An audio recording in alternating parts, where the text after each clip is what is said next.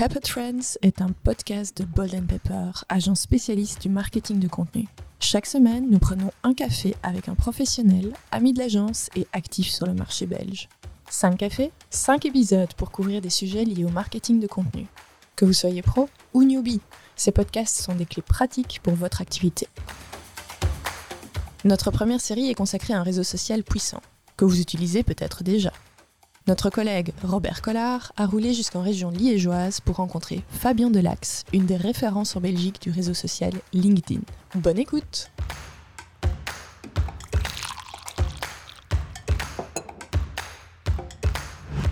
Bonjour Fabien Delax. Bonjour Robert. Ravi de vous retrouver autour d'une deuxième tasse, un deuxième café durant lequel nous allons parler d'un de vos domaines de prédilection, euh, qui est LinkedIn, puisque vous êtes notamment formateur et coach LinkedIn à destination des entreprises.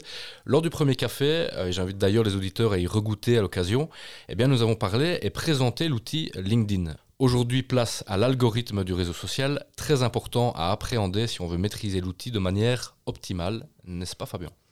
Oui, en fait, euh, les réseaux sociaux ont chacun un algorithme qui fonctionne de manière un petit peu différente. Et donc, euh, si on veut pouvoir profiter des opportunités de ces réseaux, il faut pouvoir euh, les utiliser et comprendre comment ils fonctionnent pour, euh, pour s'en servir. Mais en quelques mots, c'est quoi fondamentalement un, algorithme? Alors, un algorithme, c'est un espèce de programme informatique qui, sur les réseaux sociaux, par exemple, va déterminer quel contenu est montré à qui. Euh, certainement, euh, ou la plupart du temps, en fonction des intérêts euh, passés, démontrés, etc. C'est pour ça que si vous êtes sur Facebook, par exemple, vous allez avoir des suggestions de contenu. YouTube fonctionne énormément avec des, suggestions de contenu, etc. C'est un petit peu comme quand vous regardez Netflix, bah, on vous dit bah, cette série pourrait vous plaire parce que bah, ils savent ce que vous avez regardé précédemment et donc vous font des recommandations basées sur votre usage.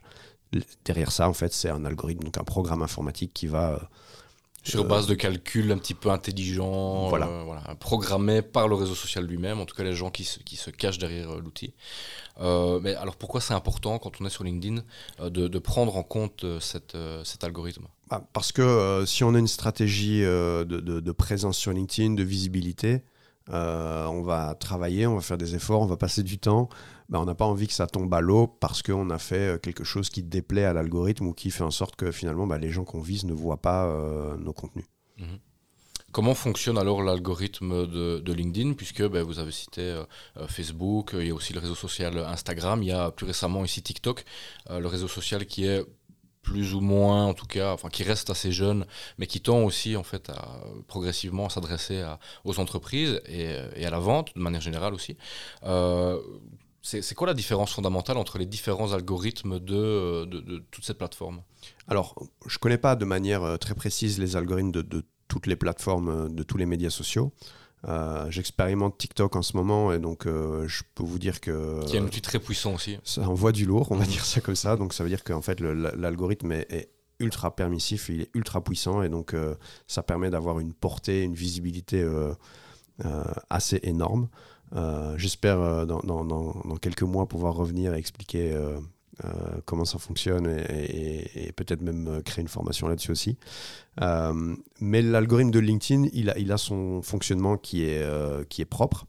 D'abord, il y, a une première chose à savoir, en fait, c'est que bah, quand on publie du contenu sur LinkedIn, ce qu'on cherche souvent avant tout, c'est de la visibilité. Et donc, on veut que son contenu soit vu par les utilisateurs et, les utilisateurs dans sa cible, évidemment.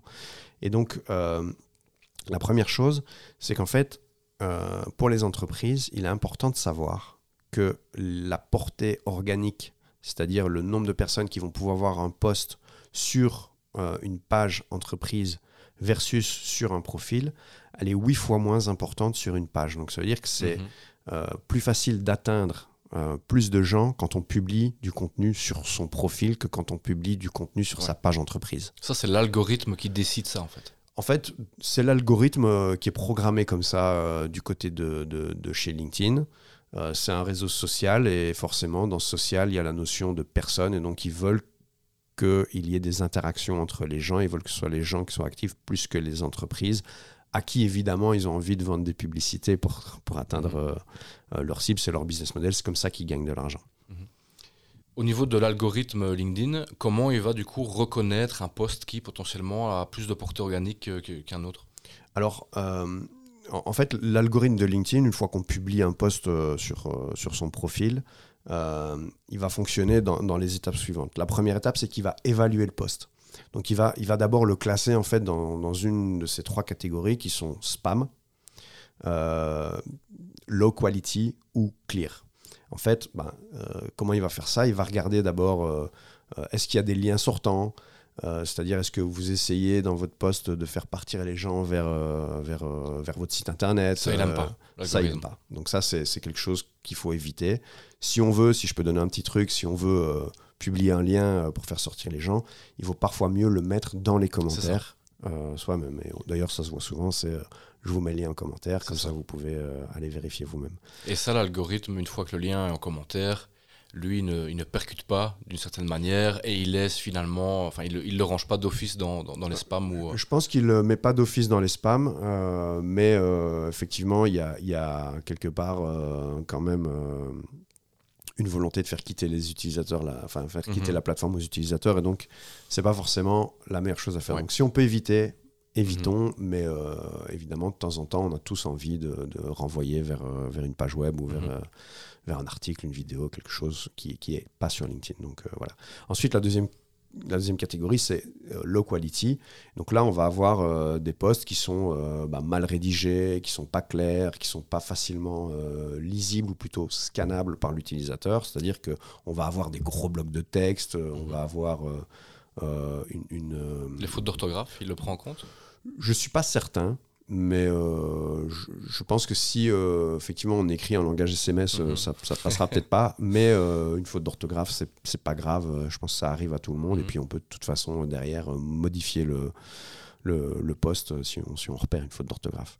La troisième catégorie, ben, c'est là qu'il faut essayer de se retrouver. C'est la catégorie clear. Donc c'est-à-dire ben, le poste est facilement lisible, facilement compréhensible et il s'adresse euh, clairement à des utilisateurs et pas euh, à euh, n'importe qui qui, qui toucherait, enfin qui, verrait le, poste par hasard.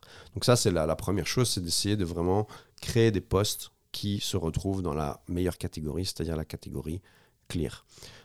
Ensuite, en fait, l'algorithme va tester le poste pendant une heure ou deux. C'est-à-dire qu'il va le montrer à environ 10% de vos connexions. C'est ce qu'on appelle sur LinkedIn le premier cercle.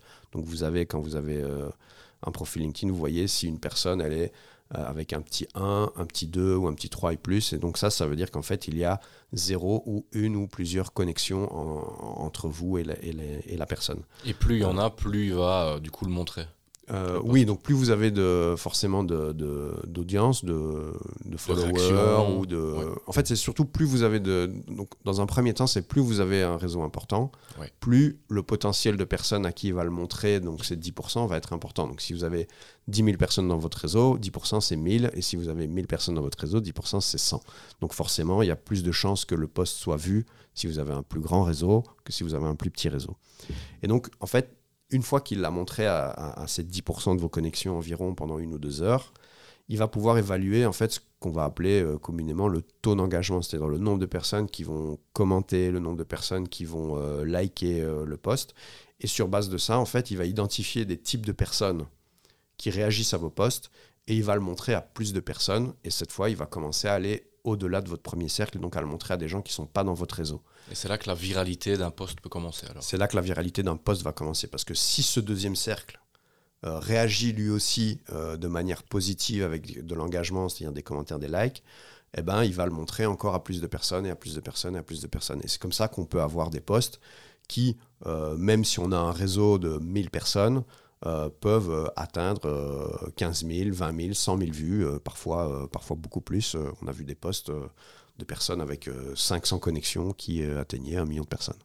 Donc c'est la preuve aussi que l'algorithme LinkedIn est, est un outil aussi très puissant finalement. Oui, en fait, ce que cherche LinkedIn, c'est à créer un réseau social de qualité.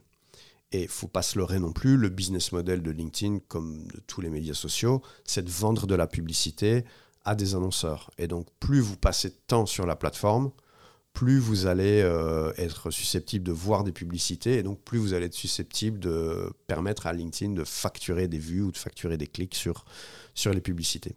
Ça, c'est la recette LinkedIn, on peut dire. Est-ce que cette recette, elle a été élaborée sur plusieurs mois, plusieurs années? Est-ce qu'elle change, cette recette? Alors, je pense qu'elle change en permanence. Euh, et euh, c'est effectivement euh, pas toujours évident de, suivre si on n'est pas dedans et si on s'y intéresse pas comme je peux le faire. et donc effectivement, par exemple, il y, a des, types de postes comme les sondages qui, il y, a, six mois, un an d'ici, généraient énormément de visibilité parce que l'algorithme leur donnait beaucoup d'importance, parce que chaque vote était considéré comme un engagement.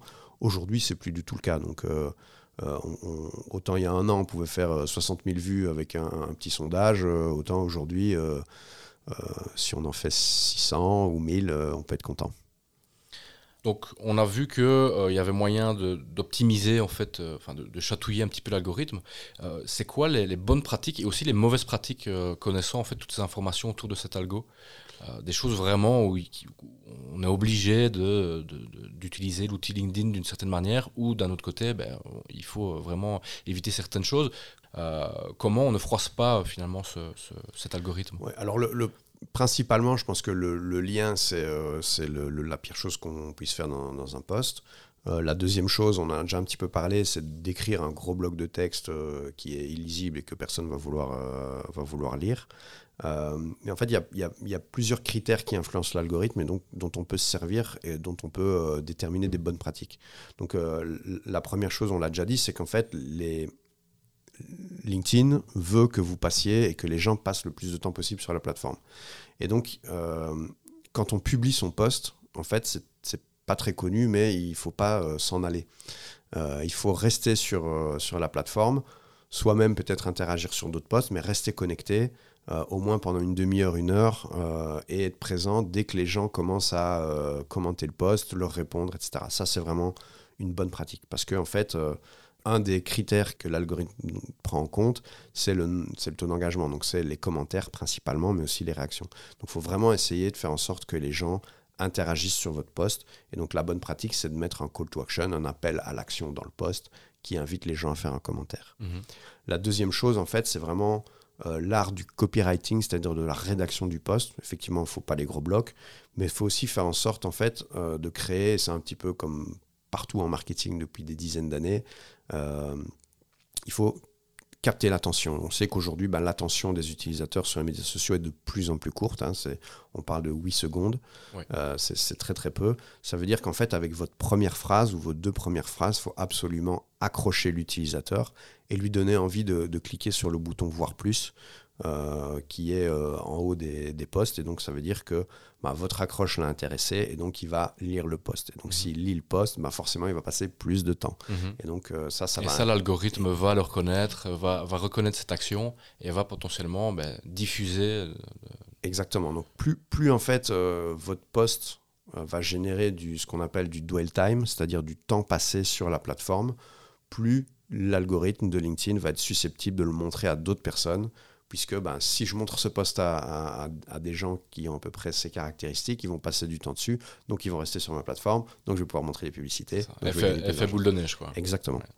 Au niveau des bonnes pratiques pour euh, titiller l'algorithme LinkedIn, donc on a parlé euh, du copywriting aussi, est-ce qu'il y a des règles à suivre euh, dans l'écriture d'un post euh, donc on a déjà évoqué la, longueur, mais il y a peut-être, je ne sais pas, des, mots-clés ou des... Euh, Alors, euh, il y a une chose qui peut influencer l'algorithme, c'est d'utiliser des hashtags. Donc les hashtags, en fait, permettent à l'algorithme de déterminer le sujet du post. C'est exactement comme sur un blog quand vous mettez des tags, c'est exactement comme sur Instagram quand vous mettez des hashtags ou comme sur Twitter. Euh, en fait, l'idée, c'est que ça permet à l'algorithme de déterminer de quel est le sujet du poste. Et donc de le montrer à des gens qui sont susceptibles d'être intéressés au poste. Donc la bonne pratique, c'est de, mettre les bons hashtags. Et, euh, on est obligé de les utiliser. On n'est pas obligé de les utiliser, mais ça permet de donner une information complémentaire à l'algorithme qui est de dire, par exemple, bah, moi je fais un poste qui parle de SEO, d'optimisation pour les moteurs de recherche. Eh ben, je vais mettre euh, à la fin du poste SEO comme hashtag pour, pour dire à LinkedIn, bah, montre ce poste à des gens qui sont intéressés généralement par des postes qui parlent de SEO. Vu qu'on sait désormais que la recette LinkedIn change euh, tout le temps, euh, est-ce qu'il y a, euh, est-ce que vous avez une source d'information en fait là où vous, vous faites un petit peu de veille sur, sur l'outil, sur l'algorithme? Alors, il n'y a, a, pas de source d'information euh, officielle. Euh, LinkedIn, comme la plupart des autres médias sociaux, ne communique pas sur le, le fonctionnement. un petit peu secret, ouais. Voilà. mais voilà, c'est à force de, de, de, de tests, d'expérimentation, de, voilà, d'être sur la plateforme, de voir ce qui fonctionne, ce qui fonctionne pas. Euh, essai-erreur, on peut le dire. Essai-erreur, exactement. Et de, de, regarder quelque part, a posteriori, ben, quels postes ont fonctionné, est-ce qu'on identifie des, des, systématiques ou des, des, des, modèles euh, qui fonctionnent euh, pour soi, parce qu'un modèle peut fonctionner pour quelqu'un, pas pour quelqu'un d'autre, et donc de, de, répliquer quelque part bah, les, les, formats de postes qui, qui ont fonctionné, euh, et, et, de, voilà, d'insister sur ce qui fonctionne et d'un peu laisser tomber ce qui fonctionne moins. Merci beaucoup Fabien Delax. Merci Robert. Deuxième café euh, parfait euh, pour moi, j'espère aussi pour vous et pour euh, nos auditeurs. Est-ce que vous voulez qu'on s'en reprenne un, un, petit troisième de café? J'ai le cœur qui va commencer à palpiter, mais on, on, va y aller. Alors, lors du prochain épisode, nous parlerons de la présence de LinkedIn et comment s'y faire voir, en fait, puisqu'on a bah, présenté l'outil, on a parlé de, de l'algorithme, ce qui définit finalement ce, ce réseau social. Euh, mais voilà, comment s'y faire voir, comment être présent et de la manière la plus optimale possible. Merci à vous d'avoir partagé avec nous ce délicieux café. Ce podcast a été concocté avec beaucoup d'amitié, toujours en essayant de vous apporter le plus de valeur possible. Vous voulez réécouter un épisode? Rendez-vous sur www.boldenpepper.be dans notre onglet Podcast. Envie de vous tenir informé de la sortie des autres épisodes ou de suivre les actualités de l'agence Bolden Pepper? Gardez nos réseaux à l'œil. À très bientôt